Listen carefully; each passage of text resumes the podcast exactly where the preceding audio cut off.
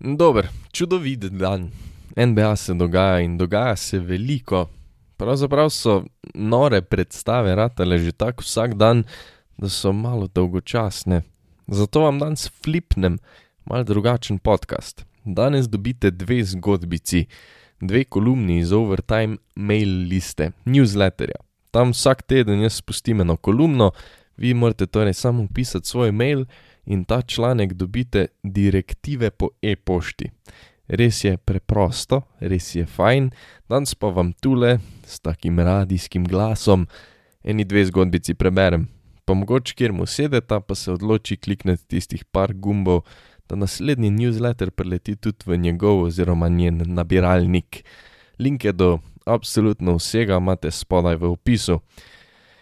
Da vas ne pustim čisto hladnih, pa vmes tak ene tri minutke namenimo tudi v sponu dveh velesil in dobremu staremu Dallasu, o katerem se v Sloveniji pa res ne pogovarjamo absolutno čisto nič. Na zadnje, v ponedeljek sem pisal in spisal eno odo velikim fantom lige, centrom, ki se vračajo samo središče dogajanja. Zadnja kolumna nosi naslov Revolucija vodi v evolucijo. V obdobju lige NBA, kot tudi sam večkrat poudarjam, pomike proti small ballu, imamo šokantno veliko centrov, ki predstavljajo temelj svojega moštva. Nikola Jokić in Joel Embiid sta trdno med najboljšimi košarkarji na svetu. Središče svoje franšize, posameznika, ki jo lahko pripeljata do naslova prvakov. Vodilni možje organizacij svoje ekipe sestavljajo celo z več centri. Vprašanje, če je era izjemno nizke košarke prišla, obstajala in že zapustila razmišljanje NBA direktorjev, je na mestu. Dejstvo je, da se od revolucije, ki jo je sprožil Steph Curry, igra premika proti črti za tri točke.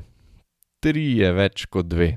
Uspešnost tega meta, torej meta za tri točke, pa je v zadnjih letih hudo narasla. Res smo bili nekaj let v nekakšnih vicah, ko se je stara garda včasih vrhunskih centrov mučila, trudila prilagoditi na nov stil igre, pa jim to ni uspelo. Danes je že več kot očitno, da so del te revolucije tudi centri. Veliko jih meče trice, preostali se trudijo prilagoditi na druge načine. Vsi pa gradijo svoj repertoar sposobnosti. Mimo so leta, ko je bilo dovolj, da si bil visok krepko čez dva metra, fizično močen in si lahko dominiral gor in dol po ligi. Sam stal v okolici rakete in zabijal. Danes tega več ni. Imamo Jokerja, ki praktično ne zabija. Nasprotnikovi obrambi mešaš trene z gibanjem, podajami, pregledom nad igro. Potem Embiid je sicer fizično dominantnejši, a skrivnost do njegovega uspeha je hitro gibanje, agilnost, dodelani napadi, ko s hitrimi pivoti in spremembami smeri v mikser postavi tudi najboljše branilce. Oba zadevata tudi z razdalje. Centrski položaj je zadela evolucija. Mogli so se prilagoditi, drugače bi izumrli. Še vedno drži, da položaji na igrišču niso več nujno definirani. Vseeno pa so se v zadnjih letih nekatera moštva odločila za netradicionalno pariranje centrov oziroma visokih košarkarjev. Na pamet takoj pade Cleveland in njihova zanimivo sestavljena peterka, v kateri sta Jared Allen in Evan Mobley, oba visoka prek 210 cm. Allen celo spominja na tistega dobrega starega centra iz prejšnjega tisočletja, a igra Clevelanda teče, ekipa deluje, orožje dveh centrov pa Cavaliersom prinaša celo določeno prednost. Prvo je treba izpostaviti njuno obrambno naravnanost, kako moštvo skupaj držita pod svojim obročem in omogočata, da se branilski par Clevelanda lahko osredotoča izključno na napad. Dobre obrambe v repertoarju Dariusa Garlanda in Donovana Mitchella namreč ni. Um, izjava, da je obroč zaklenjen, če imaš v igri dva centra, je logična, vseeno pa je to v preteklosti pomenilo neverjetno izpostavljenost metom z razdalje. Višji košarkarji so namreč veljali za precej štoraste, nezmožne pokrivanja nižjih od sebe, predvsem okoli trice. Cleveland je drugačen. Allen je sicer še vedno sidro okoli rakete, hkrati pa ni popolnoma zgubljen, če se more pomakniti nekoliko dlje od svojega obroča. Evan Mobley je na drugi strani skoraj smešno mobilen za svojo višino. V preži krije in duši igro nasprotnikov, s svojimi dolgimi rokami pa dobro krije tudi podaje. Oba sta neverjetna blokerja in sodelujeta v obrambnih akcijah. Če Moblija nižji in hitrejši košarkar vendarle prebije, Allen uskoči in se mu postavi na pot. Mobley v takem primeru hitro rotira na Allenovega moža in poti do obroča so za nasprotnika zaprte. Vse te lastnosti omogočajo neverjetno obrambo Clevelanda. Skokov v napadu nasprotniki praktično ne dobijo.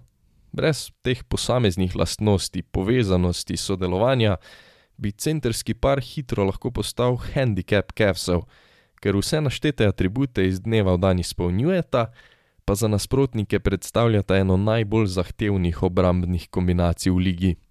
In čeprav se o elitnosti zaenkrat pogovarjamo le o obrambnih nalogah, sta vse prej kot slaba tudi v napadu. Mobley bi rekel, da je celo ključen. V svoji drugi sezoni sicer še ni naredil izjemnega strelskega preskoka. Enako kot lani dosega 15 točk na tekmo, čeprav je procentualno uspešnejši. Ma mehko roko in zadeva tudi izven rakete ter meče za tri, čeprav slednjega ne počne ravno z dobro uspešnostjo, karjerno le 24 odstotkov iz začrte za tri. Njegovo gibanje Sposobnost igre zunaj rakete ter pregled nad igriščem omogočata dobre podaje, odpiranje prostora in predvsem povezovanje igre zunanjih igralcev s svojo in Allenovo igro. Um, Allen na drugi strani je mož rakete. Izven obarvanega dela praktično ne poizkuša. Je tudi izjemno nevaren iz lobov. To je posledica pick and rolla, ko so igralci raztegnejo nasprotnikovo obrambo. Jared se po bloku odvaja proti odbroču, kamor mu branilci nastavljajo žoge, da jih lahko Jared le potisne skozi obroč. Centrski par. Netradicionalen, v zadnjih letih bi rekli, da mogoče celo nesmiseln. A deluje. In to zelo dobro. Nekaj podobnega so poskušali tudi v Minnesoti. O Timberwolvesih sem veliko govoril v zadnjih tednih, tudi veliko pisal. Poskušali so s centrsko kombinacijo napadalne vele sile Karla Antonija Townsa in norega obrambnjaka Rudija Goberja. Nismo jo še veliko gledali, nista se mogla uigrati, ampak zaenkrat ni najbolje delovalo. Sklepamo, da so v preteklih sezonah obrambno podpovprečni Wolvesi želeli, da Rudi lastno ročno poštima obrambo, medtem ko se bo Cat lahko osredotočil izključno na napad. Razlika s Clevelandom je, da se Mobley in Allen čutita, našla sta skupno igro, se navezujeta in kombinirata, da igra deluje. Ni rečeno, da se volkova ne bosta, a v Minnesoti so dve individualni sili želeli sparirati brez razmisleka o fluidnosti, o prepletanju njunih karakteristik. Gober v napadu zaradi zapiranja rakete nekaj odzame Townsu, ta v obrambi ne komplementira Rudjevih bravur. Če mu Gober pomaga krit, braniti, od Townsa ne gre pričakovati rednih rotacij na Goberjevega napadalca. In tako gledamo flikanje igre dveh sicer dobrih košarkarjev, ki ne znata igrati enotne košarke. Naenkrat na igrišču ni prostora tudi za ostale košarkarje, predvsem mladi zvezdnik Anthony Edwards trpi, saj praktično ni več prostora za njegove prodore.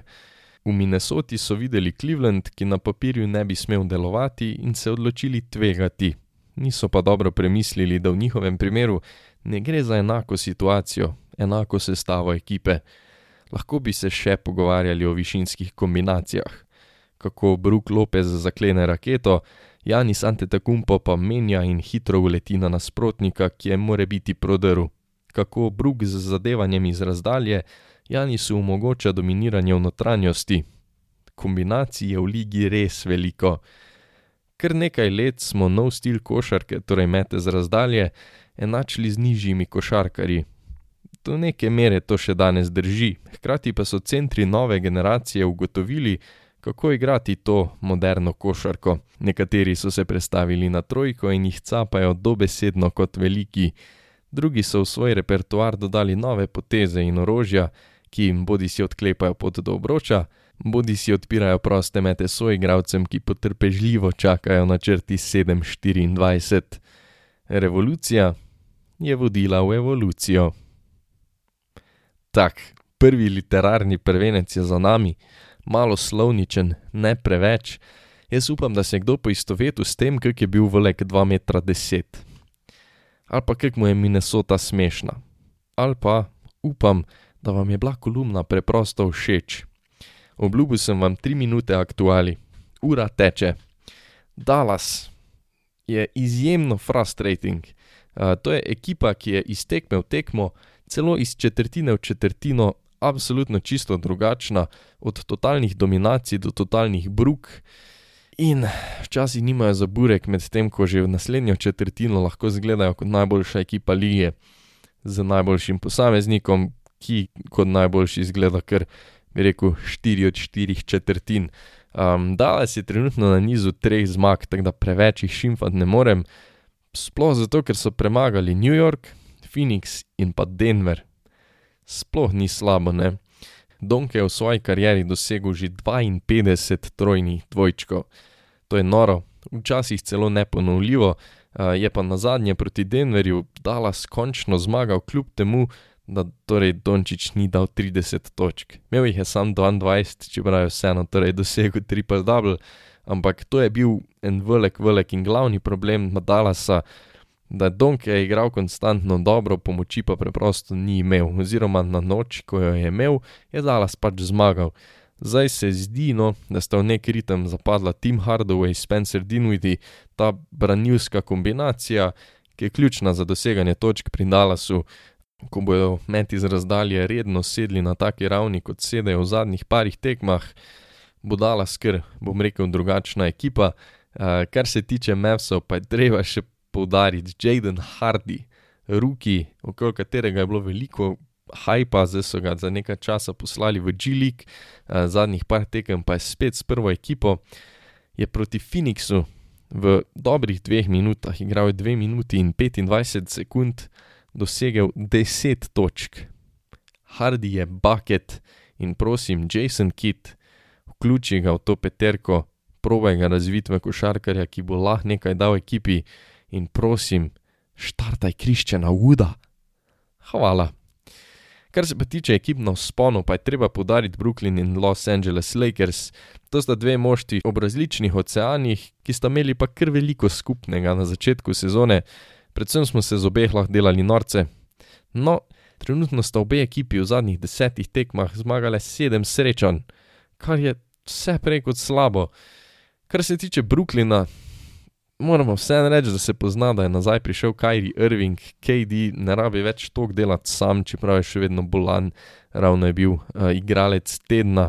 Je pa kar se Irvinga tiče, Nike, Kyrie je skencal pogodbo, torej Kyrie je uh, shoe free agent, per Nike pa bi ga naj z svojim čevljem nadomestil Jamorant bom rekel, da kar smiselna poteza, no, sploh zato, ker sta tudi oba tako flashy, oba sta garda in upajo, da bojo lahko nadomestili nekaj te izgube, ki jo bo pa pač Kajri v šuh kar prenesel, glede na to, da je bil kljub vsemu, kaj se je z Irvingom dogajalo, njegovi šuhi so bili kar prodajani, ne. Uh, kar se tiče pa zahodne vele sile, zlato-vijoličnih, Anthony Davis, zadnji mesec, zadnjih par tekem igra bolano, po noči je v bistvu dal torej samo eno točko, ampak igral basically nič, uh, šel je ven zaradi gripe, proti Clevelandu je potem L.A. izgubil, um, ampak ja, no, tu niso imeli basically nobenega vpliva od AD-ja. Prejšnji dve tekmi pa bom rekel, da je kar noro, ne. Po tisti eksploziji, ko smo bili ok, AD je naredil štempilko na letošnjo sezono z 37 točkami, 21 skoki, je imel za dve zaporedni tekmi, ko je dal na eni 44 pik in 10 skokov, na drugi pa fucking 55 točk ob 17 skokih, obakrat je imel tudi tri blokade.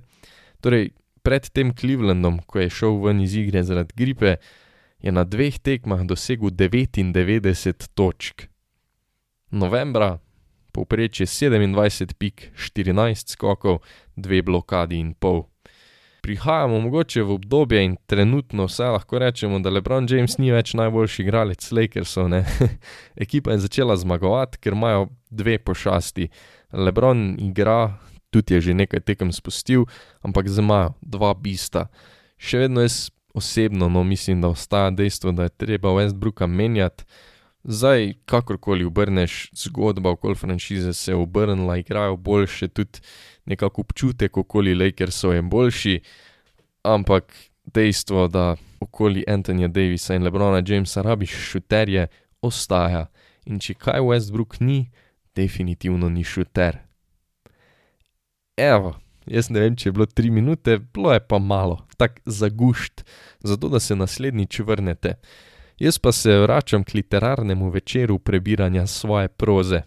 Pred nekaj tedni sem napisal kolumno o kekcih. Na mesto kekčeve dežele imamo pa kekčeve ekipe. Šaltam na članek z naslovom Nelogična nesposobnost nekonkurenčnih franšiz. Vsi smo malo kavč selektorja, takoj ko nisi v koži trenerja, generalnega direktorja organizacije, lahko iz udobja pred TV zaslonom pametuješ o najboljših korakih za neko ekipo. Čeprav se jaz trudim malenkost podrobneje spremljati in študirati ligo NBA, sem v prvi vrsti navijač.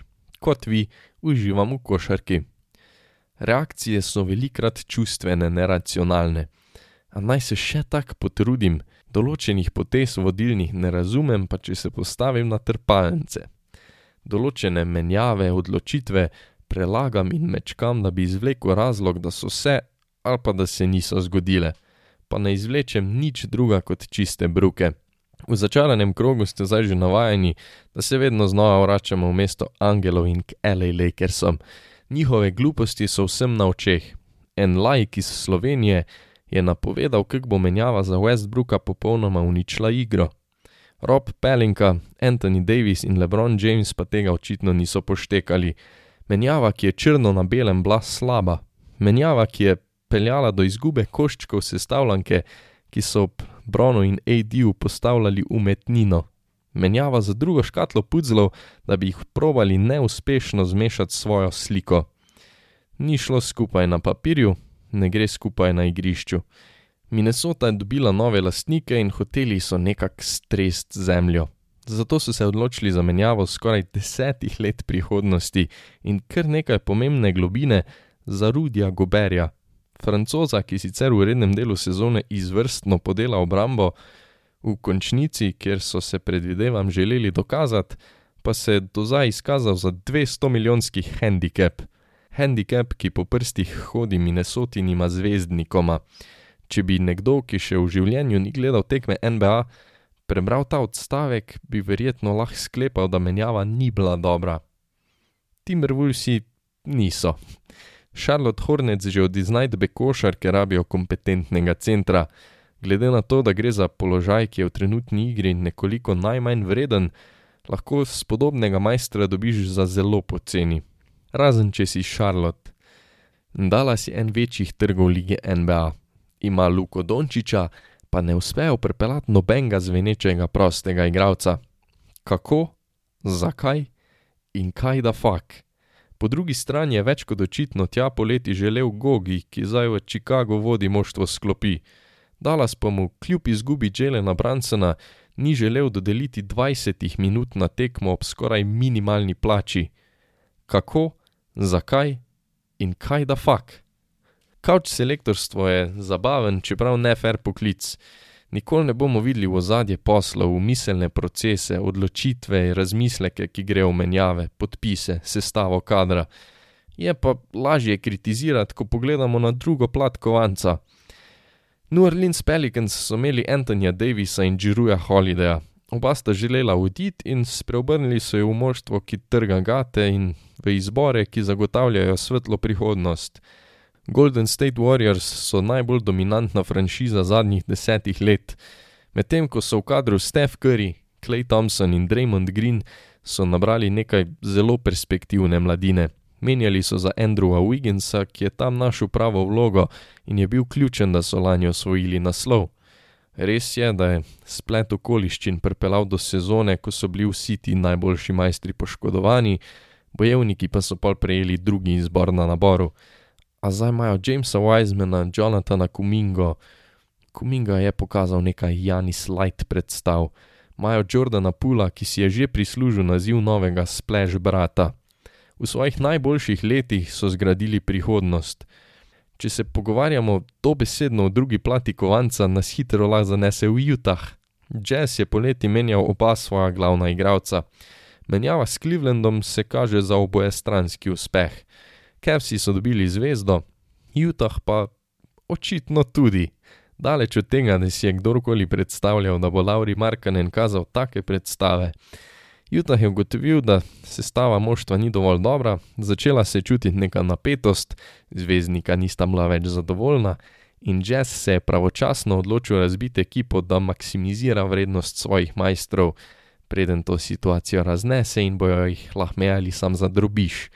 Mitchell v Cleveland za Laurija, Kolina Sextona, Rukija, Akbadžja in tri izbore v prvi rundi. V kadru brez pritiska in pričakovanj so Markanenu dali svobodo in zaenkrat kaže all-star predstave. Sexton trga sklopi, praktično štirje izbori pa zagotavljajo kapital za prihodnost. Za Rudija Goberja so iztržili od oka dvakrat več kot je vreden. Poleg solidnih košarkarjev, ki poglabljajo kader, še novinca in štiri izbore v prvi rundi. Rudi Gober za štiri first round pike. To basically pomeni, da jih je Donke vreden 77. Danny Ainge, GM Utaha, je pomigal Minnesoti in jih ožel ko fajn namočeno kuhinjsko krpo. Ugotovil je, da je čas za novo ero jazz basketa in dva all-starja spreobrnil v kupe, v gore kapitala. Nihče pa ni pričakoval, da bo sezono začeli tako dobro. Prava situacija za mladeniče, ki so jih prejeli, zdaj odpira neverjetno križišče možnosti. Če košarkarji ostanejo na tej ravni, se lahko kapital odločijo unovčiti za kjer od zvest lige. Če moštvo nekoliko upade, lahko potalajo še kar nekaj zelo kvalitetnih košarkarjev in dodatno poglobijo bazen izborov. Medtem ko je Minnesota poleti zapravila deset let prihodnosti, pa niso nič bliže naslovu, je Utah poskrbel, da je prihodnost svetla. In tu se vidi, da so slabi generalni direktori pravo darilo. Trinajsta plača za dobre GM-e, ki se z njimi igrajo kot mačke z mišjo. Fajn je biti kavč selektor, ker si lahko pameten brez posledic. Pod pritiskom, ko ti nekdo pred nosom maha z velikim imenom, verjetno vidiš le, kaj bi lahko bilo. Ne vidiš rušenja imperija, ki ti ga še ni uspelo zgraditi. Pa vseeno bom še naprej sedel pred televizijo in se držal za glavo, nad nelogično nesposobnostjo nekonkurenčnih franšiz. Evo ga, to je to za danes, malo drugačna, malo bolj story-oriented epizoda. Da se kdo mogoče odloči, da me je vredno tudi prečitati. Link je tako do teh prebranih, kot do vseh preostalih kolumn imate v opisu epizode. Res je simpelno, sam mail noter upišete in dobite v e-poštni nabiralnik, ne rabite pol iskati pa čakati, kdaj bo zdaj prišel nov članek. In pol ga preberete, ko pač imate cajt. Pazite, edino prvega oziroma prva dva članka bi vam znalo pod promocijo oziroma usiljeno pošto vršt. To bi bilo super, če prestavite, da pol dobite direktive tja, ko spada. Uh, dajte me pohvaliti no, tudi na ostalih omrežjih, družbenih, družabnih, asocialnih, kakorkoli. Posod bi me mogli najti po imenu, torej Lukas Karlovnik imate pa torej tudi linke v opisu. Res cenim vašo podporo, če overtime komu priporočite, če se naročite, če delite, iz srca hvala. Beremo se v ponedeljek, slišimo se danes teden, bodite čudovito.